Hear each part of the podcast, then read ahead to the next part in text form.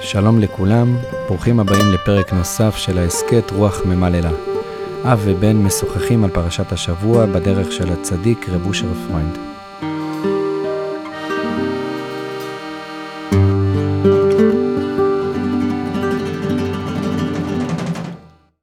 שבת פרשת אמור.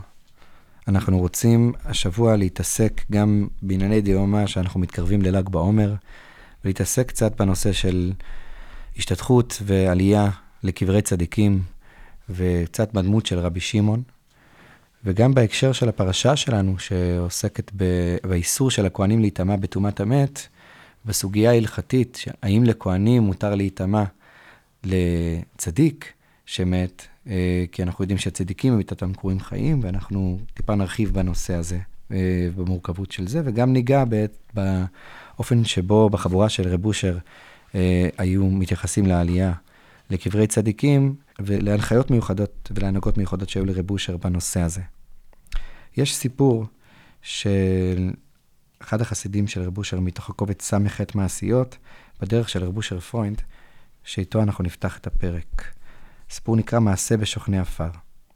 שהיו בעולם אנשים שחיו ונפטרו בשלום. והיות שנפטרו בשלום, היו החיים פוקדים אותם, ובאים ומתפללים על הציון. והיו מזכירים מדברי המתים הנ"ל.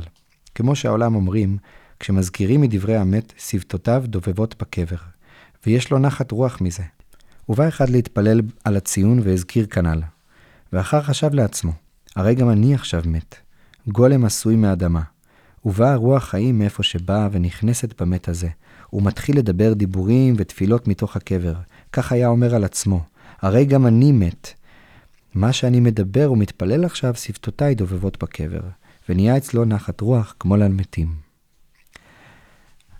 אז בפרשות הקודמות עסקנו בנושא הזה של טומאה וטהרה שיש בפרשיות, וקישרנו אותם באמת טומאה למוות, למת, כמו שאבי אבות הטומאה זה טומאה למת, וטהרה אל החיים. ובדרך של רב אושר הסברנו שבעצם זה לא שאדם נטמע אל המת, אלא זה מציאות שאדם מביא את עצמו להיות בבחינת מת בתוך העולם, כשהוא מנתק את, את עצמו ממקור החיות שלו. כמו שכתוב פה בסיפור הזה, שאדם שהגיע אל הציון, פתאום נזכר שגם הוא בבחינת מת, שגם הוא, גולמי ראו עיניך, שגם הוא בבחינת גולם. אבל איכשהו רוח חיים נכנסת בו ונותנת לו אפילו את הכוח לדבר. אותו אדם מבין שהדיבורים שלו אפילו זה גם כן איזה רוח חיים שבאה מבחוץ. וזה בעצם הקרבה שיש לבן אדם לרעיון הזה, שהשם מחיה אותו, שהוא נברא ושיש בורא שמחיה אותו ומנשים אותו ונותן לו גם את הדיבורים, זה מה שרבושר קורא לו חיים. ומוות זה כשבן אדם שוכח את זה שהבורא מחיה אותו, והוא מרגיש את עצמו בבחינת מציאות נפרדת וישות נפרדת, והוא חי בתוך האגו שלו. וזה הבחינה של המת. בסיפור הזה אנחנו רואים בעצם שאדם גם, הוא כל הזמן בבחינת מת, אבל הוא יכול להיות בבחינת חי אם הוא מכיר את הבורא שנמצא בתוכו ושולח לו את הדיבורים ואת המחשבות. בפרק הזה אנחנו רוצים באמת להתעסק ברעיון הזה של רב אושר, שלימד אותנו את הרעיון הזה של להכיר את הגולמיות שלנו, של להכיר את החסרון שלנו, ולא להישבר מזה, ולהפוך את זה לדיבורים של אמונה, לבקש מהשם עזרה. ובתוך העבודה הזאת היה חלק משמעותי של השתתחות על קברי צדיקים, שהפלטפורמה לדיבורים האלה הייתה הליכה אל הצדיק.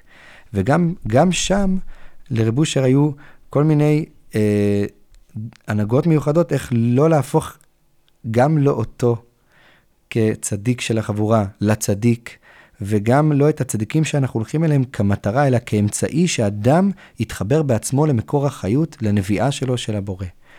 אה, ואולי נתחיל באמת במדרש שמחבר את הנושא הזה של הליכה לקברי צדיקים, וצדיקים את אותם קרויים חיים, וש... וכל הסוגיה ההלכתית הזאת, האם לכהן יכול להיטמא לצדיק, אה, מתוך דברי המדרש. אבא בכבוד.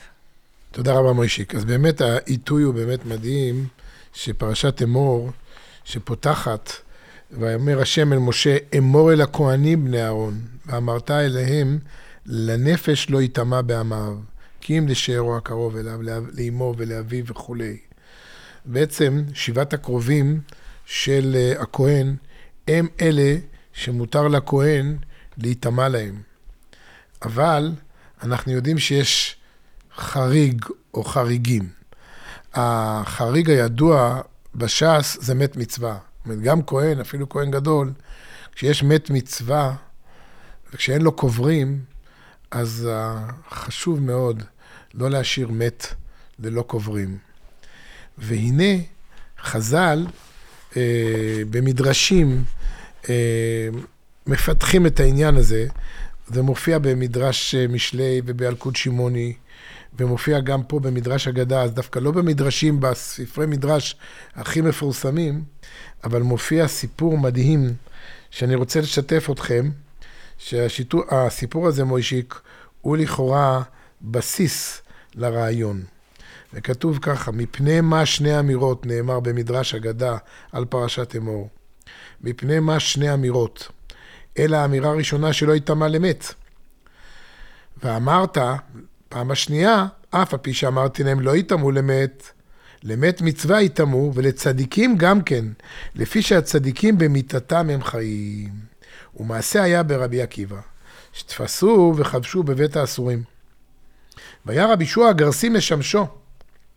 פעם אחת יום הכיפורים היה, ולקח רשות מרבי עקיבא והלך לו לביתו. בא אליהו ז"ל, ודפק לו על פתח הדלת. אמר לו, מי אתה? אמר לו, אליהו אני. אמר לו, מה תרצה? אמר לו, באתי להודיעך שרבי עקיבא, רבך מת. מיד הלכו שניהם כל הלילה, עד שהגיעו לבית האסורים. ומצאו הפתח פתוח, ורב האסורים ישן, וכל העם ישנים. באותה שעה הגיע אליהו אצל הפתח ונפתח הפתח. נתחזק אליהו ונטפל בו. אמר לו רבי שועה, ולאו כהן אתה? אליהו, יש מסורת שאתה כהן? הרי אליהו הוא פנחס, כך מקובל, הוא גלגול של פנחס הכהן. אז אמר לו, בני, אין טומאה לצדיקים ולא לחכמים. וכשיצאו מבית האסורים, באו המלאכים לקראתם. והיו אומרים, צדקת השם עשה והדרך מהירה להם כזוהר הרקיע. בעצם, יוצא, גם בזוהר מופיע, ובעוד ספרים, שאין טומאה לצדיקים. כידוע שרבי נפטר, אז כל הכוהנים היו מצווה להיטמע להם. מצד שני, בספרי ההלכה, רוב ספרי ההלכה, לא מקבלים את הגישה האגדתית הזאת, גישה המדרשית הזאת, ולהלכה, רוב הפוסקים אוסרים להיטמע, ללכת לקברי צדיקים, לכהנים, כי בכל זאת, אין להם את הכתפיים לבוא ולהגיד שצדיק שנפטר והוא כבר קבור, אין היתר לכהנים להיטמע. אבל הרעיון העצום הזה, שאין טומאה לצדיקים, וצדיקים במיתתם קרויים חיים, רב אושר בהחלט, כאחד שמבוטל לגמרי להלכה, ולא מעז ליזום שום דבר נגד אה, כביכול הגישה הנורמטיבית ההלכתית של רוב הפוסקים, דווקא בסיפור של רבי שמעון בר יוחאי, רבי ש... אושר עודד את הכהנים, חסידיו הכהנים, או בכלל את כל כהן שרצה להיכנס למערה ולהתפלל ולהשתטח על קברו של רבי שמעון בר יוחאי. כך גם במערת המכפלה, כך גם בקבר רחל, ואולי בשמואל הנביא, אולי במקומות מאוד מאוד ספורים. ואני לא אכנס כרגע להיתר ההלכתי, כי אני לא מתערב בזה מי אני שאני אגע בקודש, אבל רואים שרב אושר היו צדיקים, אה, יחידים, שרב אושר נתן לנו את ההרגשה שפה ישנו מפגש שגם הכוהנים יכולים בעצם להיות עם הנצחיות של הצדיק. מה הכוונה הנצחיות של הצדיק? רב שמעון בר יוחאי היה אה, יהודי כנראה מאוד מאוד מיוחד. עוד מעט אתה תקרא לנו מוישיק בדברים שמצאת מדברי רב אושר על גדולתו של רבי שמעון בר יוחאי, ומדוע דווקא רבי שמעון נבחר להיות היחיד שבבני העלייה, שבאמת אה, כל עם ישראל נוהרים אליו להתפלל בקברו. יחד עם זאת, יחד עם זאת שרבי שמעון היה כל כך יחיד בפני עלייה, שהם היו מועטים, כמו שרבי שמעון אמר. מסופר על uh, הנכד של רב אושר, חבר טוב שלי, שבא אל רב אושר ואמר, רב אושר, אני נוסע לרבי שמעון. למה אתה נוסע לרבי שמעון? אני רוצה להתפלל ברבי שמעון, כמו שאני רואה אותך נוסע לרבי שמעון, נוסע לרבי שמעון למירון, לפעול אישיות, להתפלל, אה, לפעול אישיות. אז רב אושר אמר לו, אתה יכול להתפלל גם פה, גם פה זה רבי שמעון, בבית של, של רב אושר. אז אמר לו, רב אושר, אתה אבל מחנך אותנו כל הזמן, לנסוע לקברי צדיקים, עכשיו אתה אומר לי להתפלל פה, אז אני לא כך הבנתי, לנסוע, לא לנסוע, כן לנסוע. אומר, טוב, תיסע. אבל תדע לך שרבי שמעון זה פה, זה גם פה. הרעיון שהישועה שאתה פועל זה טלטולי הדרך. מה הכוונה טלטולי הדרך? אני חושב שמה שהבנו מרב אושר, זה שאם אדם בא לצדיק, אז אנחנו באים, אנחנו נוסעים. אז אני הבאתי את עצמי לצדיק. נו מה? מה הנקודה, מוישיק? הנקודה היא שאני, אסור לי לטעות. וזה טעות נפוצה שכולנו טועים בה. כשאנחנו נוסעים ומתקרבים לצדיק הקבור, רבי שמעון, או צדיקים אחרים, אנחנו עכשיו נכנסים למין אקסטזה רוחנית. הצדיק היה כל כך גדול, 12 שנים הוא היה בתוך המערה ולמד תורה ו- וניזון רק מהחרוב ומאמת המים, הוא ובנו רבי אלעזר. אז בעצם הגיעו לדרגות כאלה גבוהות, והם היו כאלה צדיקים גדולים.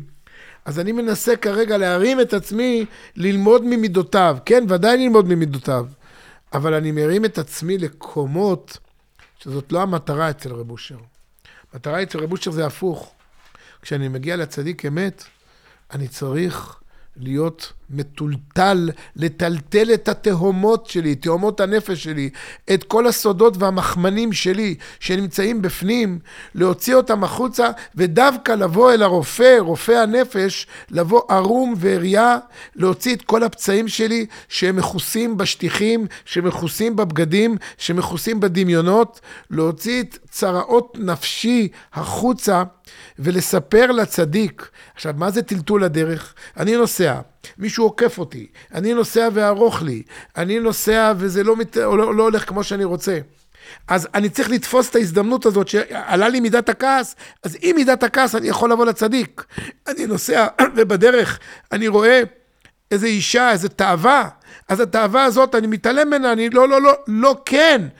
קח את התאווה הזאת, אני אקח אותה איתי, ואני בא לצדיק, אומר, רב שמעון, אני בא אליך, אוי ואבוא איך אני נראה. אני ראיתי כמה כעס יש לי בדרך, אני ראיתי כמה תאוות יש לי בדרך, אני ראיתי כמה גאווה יש לי בדרך, אני ראיתי כמה כבוד, כמה לא דחפו אותי, ואוי, לא נותנים לי להיכנס, וההוא ההוא, ההוא שם את הראש שלו על הציון עשר דקות, והעשר דקות האלה, ולא נותן לי אפילו שישים שניות. ואני, כל המורסות שיכולות לצאת ממני, כל מורסה שיכולה לצאת ממני, היא מתנה שהשם נותן לי, שאני צריך לספר את זה לצדיק כדי לה, להודות על האמת. ההפך, הצדיק הוא בעצם מקור של אהבה אינסופית אליי, להביא אותי ולקרב אותי לבורא עולם. יש זאת, פה, כן, בבקשה. בעצם ברעיון הזה גם של טלטולי הדרכים, כמו שאמרתי בפתיחה, לרב אושר היה מאוד חשוב ש... לא, לא יהפכו אותו למרכז. זאת אומרת, יש, יש uh, באחד המקומות בחברותות ש, שמסופר על זה שהוא כעס על החבורה, שבגלל שבפעמים שהוא לא יכל לבוא להצטרף לנסיעות לקברי צדיקים, אז לא יצאו, לא יצאו לנסיעות. אה, וזאת אומרת שהפכו... ממנו אחיזה. שעשו ממנו העניין. אם ירבושר לא בא, אז אין מה לנסוע. כן. זאת אומרת, טלטולי הדרכים, הכוונה שכל אחד צריך להיטלטל בתוך האוטובוס, לכל אחד יש את המקום שלו ולכל אחד יש את הטלטלה שהוא צריך לעבור, את העבודה שהוא צריך לעשות. כמו למשל, שמובא ב... אה, בחוברת שהוציאה חסידות ספינקה, אה, מובא בשם רב גדליה סגל, שאחד החברים הגיע פעם לשאול את רב אושר אם להצטרף לנסיעה עם החברים לקברי צדיקים בצפון, אז שאל אותו, למה אתה רוצה לנסוע? רב אושר שאל את הצדיק, אז הוא אמר לו, לפעול ישועות. אז אמר לו רב אושר, איך אתה יכול לפעול ישועות? הרי אפילו לחזור בתשובה איננו יכולים. ולכן אנו אומרים כל יום בתפילה, החזירנו בתשובה. כי אנחנו מעצמנו לא יכולים לחזור בתשובה. אז תיסע לבקש מהריבונו של עולם לחזור בתשובה, והריבונו של עולם כבר יפעל את הישועות. זאת אומרת, גם רב אושר, הטלטלת הדרכים, הרעיון שנסיעה לצדיק זה עבודה. זה לא ישועות. זאת אומרת, זה לא, זה לא קסם. הרעיון זה שהוא אמר, אמר לו, אתה יודע מה, אתה לא חייב גם לנסוע. תהיה בעבודה עם עצמך. זאת אומרת, אם אתה עכשיו פה, עושה עבודה עם עצמך, אז אתה לא צריך לנסוע, כי טלטלת הדרכים והעבודה היא המטרה, לא, לא הצדיק, המטרה היא שאדם מתחבר אל הבורא, שזאת העבודה שאדם צריך לעשות. זאת אומרת, העבודה היא עבודה קשה של אדם להכיר שהוא...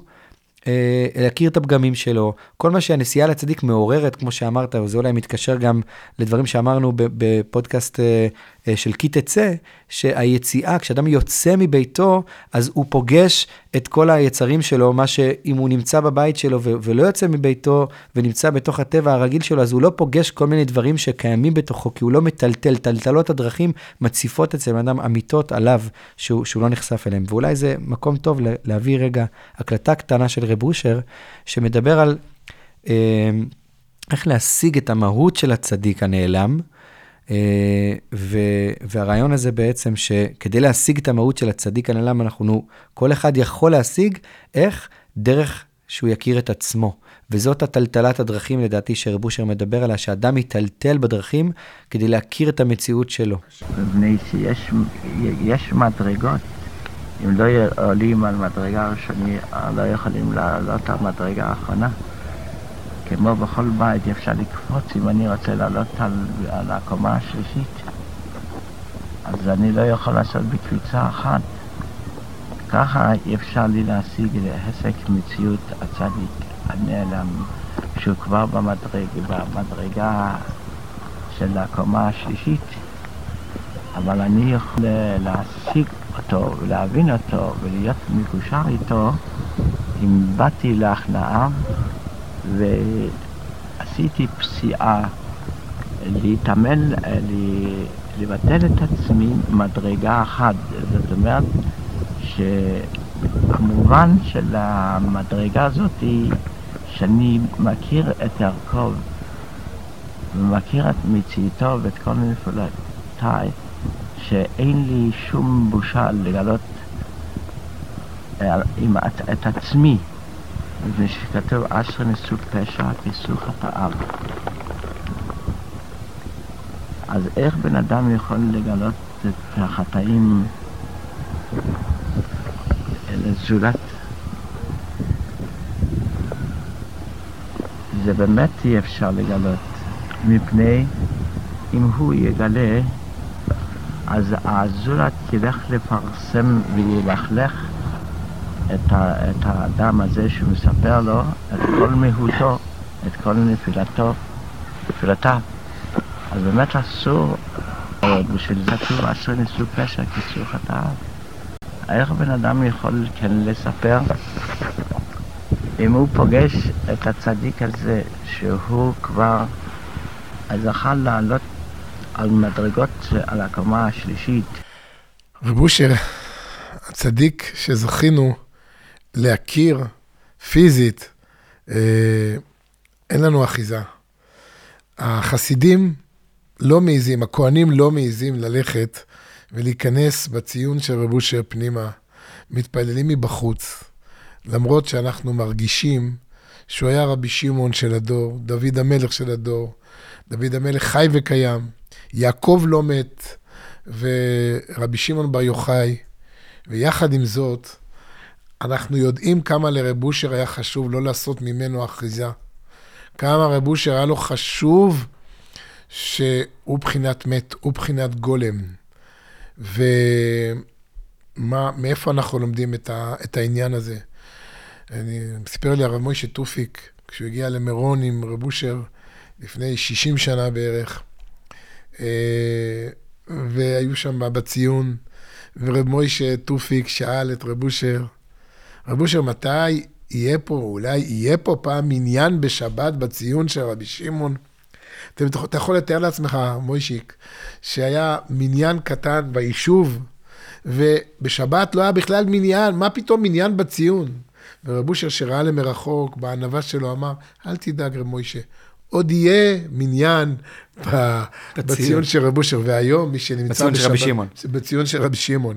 ומי שנמצא היום בשבתות, אנחנו זוכים להיות בשבתות מברכים, לפי הצוואה הקדושה של רב אושר, שציווה על החברים, כל מי שיכול להגיע, כל שבת מברכים, להגיע לציון של רבי שמעון.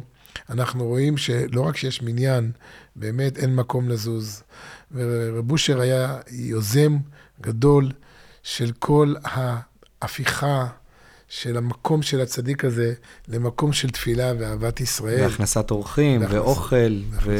ובית... וישיבה שיש שם בהחלט. בעצם. ומה, ומה כל כך, מה הסוד הגדול?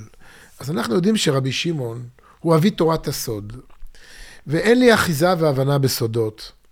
וכולם מייחסים כמילה נרדפת רבי שמעון ותורת הסוד, אז חושבים כולם בעולם הכוונות, בעולם הזוהר, בעולם הסודות, בעולמות מטאפיזיים, בפרדסים, פשט רמז דרש, סוד. אבל במטותא במחילה מוישיק, ממך ומכל מי ששומע, חושבני שרב אושר לימד אותנו מה זה תורת הסוד. תורת הסוד זה מה שאתה, המשפט האחרון שהשמעת מהציטוט של רב אושר בשיחה. אשרי נשוי פשע, כסוי חטאה. יש לנו סודות תמירים בתוכנו, שאנחנו מחמינים אותם. רבי שמעון בר יוחאי היה 12 שנים במערה, למד עם בנות תורה, וכשיצא מהמערה אחרי 12 שנים, כשהוא בסך הכל אכל את החרוב ו... ושתה את המים, היה כולו פרוש ודבוק בבורא עולם. והוא הגיע לזה רק מסיבה של סיבות, כי הוא היה צריך לברוח. בעצם, הוא לא לקח אחיזה, הוא הגיע לשם כי הוא היה חייב לברוח. אז בעצם הוא לא עשה מעצמו שהוא הלך למקום כזה לכתחילה. אבל הוא מצא את עצמו שם ועשה עם, עשה עם זה עבודה. ואז הוא יוצא ורואה אנשים מתעסקים בחיי שעה. זורים, קוצרים, תורה מטה עליה. אנשים לא צועקים בורא עולם, מחזיקים ביד משהו ולא מבינים שזה בורא עולם, כמו שאברהם הררי סיפר, רב אברהם הררי שנכנס פעם לחדר של רב אושר, ורב אושר הצביע ואמר לו, מה יש פה על הקיר? הוא אמר לו, שעון. הוא אמר לו, אה, זה בורא עולם, אתה לא רואה? אומרת רב אושר, רב שמעון בר יוחאי, הכל זה בורא עולם. אז רב שמעון יצא, כל מקום שנתנו עיניהם היה נשרף. יצתה בת קול ואמרה, להרוס את עולמי באתם? להחריב עולמי באתם? היפוך אותיות חרוב, להחריב עולמי, באתם. אז הכניסו אותם חזרה למערה לעוד שנה. מה הם עשו בשנה הזאת, מוישיק? בשנה הזאת, לכאורה, אין לנו אחיזה בצדיק, אבל בשנה הזאת הם עשו הפוך. הם בעצם הבינו שכל מה שהם רואים חיי שעה זה הם. בעצם הבנו, רב שמעון בעצם הפך את כל תורתו לתורה לשמה. מה זה לשמה? שבעצם כל יהודי שאני רואה, אם אני רואה משהו, אני רואה בי, אני רואה תורת הבעל שם טוב בעצם נוצרה. זה תורת הסוד. הסוד זה שאני בעצם מגלה את הסודות שבי, שאני מבחינתי בלי הבורא עולם, אני מת לגמרי. כמו הסיפור שסיפרת. הסיפור הזה שבעצם אדם עומד על קברי מתים. רב אושר סיפר לי אמנון, חברנו היקר, שפעם הלכו באזכרה, אזכרה של אחד אה, מההורים של החברים הקרובים לרב אושר. הוא הלך ליד רב אושר, הלכו ליד מצבות, ואז רב אושר אמר לו, אתה יודע מה הדרגה הגבוהה של הבן אדם? הדרגה הגבוהה של הבן אדם, אתה רואה פה במצבה מישהו שוכב, ואנחנו הולכים לידו, הוא מדבר? לא. הדרגה הגבוהה של הבן אדם זה שאם דורכים עליו, הוא שותק, נפשי כעפר לכל תהיה. עכשיו, אין הכוונה שרב אושר חיפש מזוכיזם, שידרכו עליו, אלא הרעיון הוא שהמציאות שלי כל כך חזקה, כל כך צועקת, כל כך בועטת, כל כך גועשת, כל כך מבקשת תשומת לב, שהאגו שלי פשוט בכל מיתר ומיתר שנוגעים בו משמיע צליל של יש. והרעיון הוא בעצם שצדיקים אין להם טומאה במובן הזה שהם ביטלו את החיות שלהם, לא החיות שהקודש ברוך הוא נותן להם. שם זה המעיין המתגבר, אלא ביטלו את החיות הזאת של המחיצה, של הסכר. כל אחד ואחד מאיתנו, אני, הוא מציאות של סכר למעיין האלוקי על ידי שאני חוסם ומוחץ, מחצתי, אני מוחץ במחיצה את הזרימה האלוקית על ידי שאני קיים. מי אני? אני עלה נידף, אבל אני מרגיש את עצמי, ואני לא יכול לשאת שאני לא במזרח, שאני במקום להיות חלק מתוך הזרימה האלוקית, אני הופך להיות מציאות של סכר שאין אני והוא יכולים לדור בכפיפה אחת. וזה היה רבי שמעון בר יוחאי. רב אושר מסביר, אולי תקרא לנו, משה, קראת לי, למה רבי שמעון נבחר להיות מכל התנאים, אותו אחד שבעצם גילה את תורת הסוד, אז יש סודות עילאיים שהם באים מבורא עולם. אבל, אבל זה מה שרב אושר חידש. אנשים טועים, הם לוקחים את הצדיקים ועושים מהם שהם עלו בדרגות. הצדיקים ירדו בדרגות, מתוך הירידה בדרגות הם פתחו את עצמם להיות כלי קיבול, ממילא הקדוש ברוך הוא זרם דרכם והם לא הפריעו. כל צדיק, הקדוש ברוך הוא נתן לו איזושהי תכונה מיוחדת שהתרגום של האור יצא לפי האותיות המיוחדות של אותו צדיק. אבל הצדיק לא הפריע לקדוש ברוך הוא להתגלות בעולם. וזאת הייתה שאיפתו הגדולה של רב אושר, מורנו ורבנו, שנזכה להתחיל בעולם ההכנעה, ממילא אנחנו מחוברים כבר לצדיק והוא יכול לפעול בשבילנו. אז נביא פה באמת אה, כמה דברים בשם רב אושר על רבי שמעון. אה, דבר אחד מובא באמרי אשר של הרב גדליה סגל בשנת תשמ"ח, כתוב, שאלתי אותו אחר כך, מדוע נוהרים רבבות אנשים לציון הרשב"י במירון זה מאות שנים, ואילו ציונו של רבי עקיבא במומי טבריה פוקדים רק מעט? אמר לי רב אושר, כי רבי שמעון בר יוחאי היה בתוך העם שירד אליהם וצורכיהם, וכך נשאר גם אחרי הסתלקותו לעולם העליון, בבחינת מה הוא לכל אף רבי שמעון לכל. גם בדברים שהביא שנה קודם, בשנת תשמ"ז, הוא כותב, בשבת קודש ערב ל"ג בעומר, דיבר קצת על הרשב"י ואמר שהוא נשאר איתנו בגלות בבחינת אמו אנוכי בצרה, ולכן נוהרים שם ביום ההילולה שלו רבבות יהודים לשפוך תחינה לאלוקי מרום בזכות הצדיק הטמון פה, אשר לכאורה זה חידוש נפלא שלא זכה אף אחד מהתנאים הגדולים, ואפילו רבותיו כמו רבי עקיבא. אמר גם כי רבי שמעון הגיע למצב של תוהו ובוהו, ונכלל בקודשא בריחו. וזהו שכתוב בתורה, יראה כל זכורך את פני האדון השם אלוקי ישראל. ואמרו על זה בזוהר הקדוש, מן פני האדון דה רבי שמעון בר יוחאי. ועל זה אנחנו שרים, אדוננו בר, בר יוחאי. יוחאי. כאילו מעיזים להגיד משפט ש... ש... שעל ש... אף, אדם לא מעיזים להגיד. אבל מה זה אומר, בדרך של רב אושר, פה זה מובא מאוד בצורה. מאוד בצורה מתומצתת, שרבי שמעון הגיע למצב של תוהו ובוהו ונכלל בקודשא בריחו.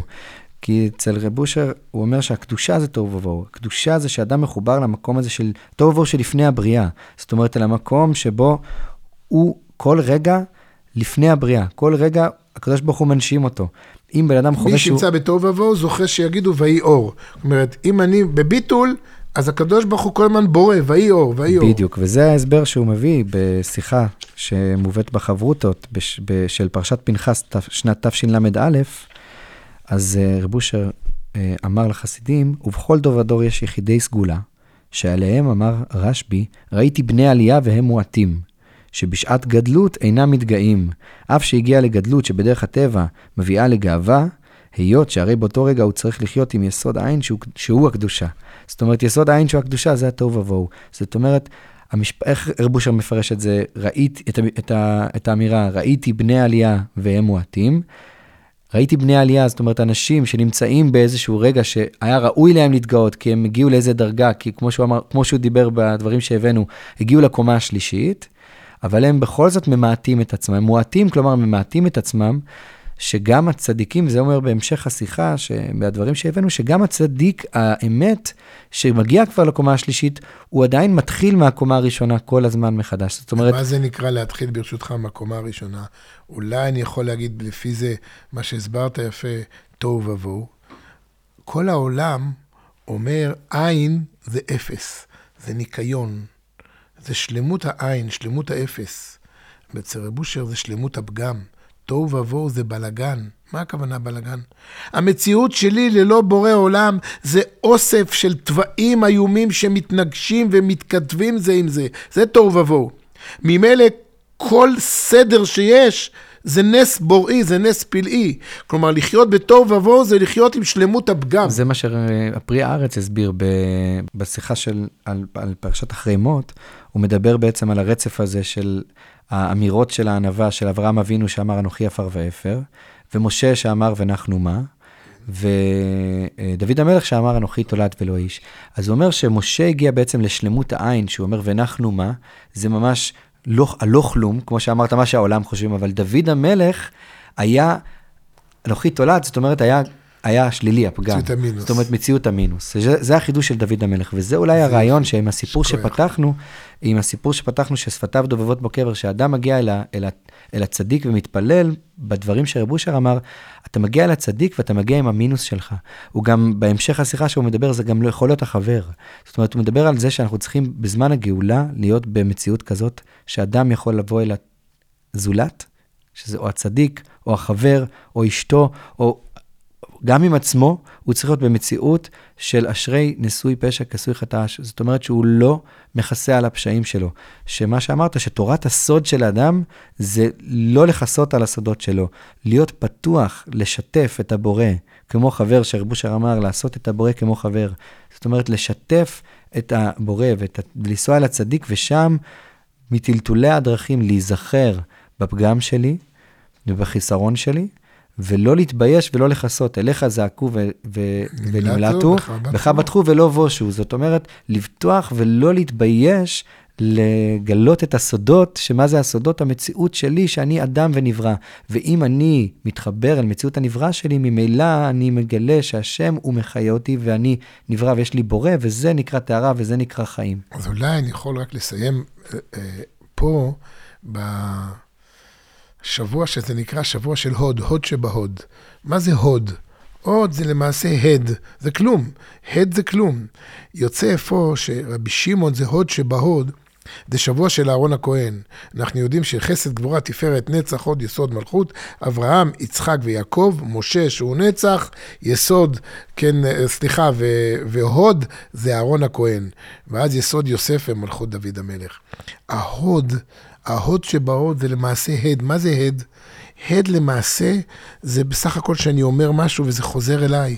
כלומר, בעצם שאני נמצא במציאות שהדברים נאמרים, שאני נכתב, שהדברים יוצאים כביכול הוד שבהוד. וזה בעצם ה... הסוד שבסוד, הדברים הפנימיים שב... החוצה, ואני לא מתבייש בהם, ואז אני נפגש עם עצמי ועם בוראי. שנזכה לקרב את הגאולה דרך ההכרה של המציאות שלנו, ושיהיו לנו חברים טובים, שנוכל לשתף איתם את הפגמים אמן. שלנו, ושהם לא ישתמש- ישתמשו בזה כנגדנו, אלא מה שרבושה אומר שם בהמשך השיחה, שכשחבר מגיע אליי להזכיר, לומר לי, אזכיר חטאיי, הוא בעצם מזכיר לי את חטאיי שלי. זאת אומרת, כשהחבר בא אליי לשתף אותי, ומגלה את הוא- בעיותיו שלו, אז הוא... הוא בעצם עוזר לי להתמודד עם הבעיות שלי, ושנזכה להיות חברים אמן. טובים ובאחדות. אמן. שבת שלום לכולם. שבת שלום וזכויות של רבי שמעון יגן. אמן.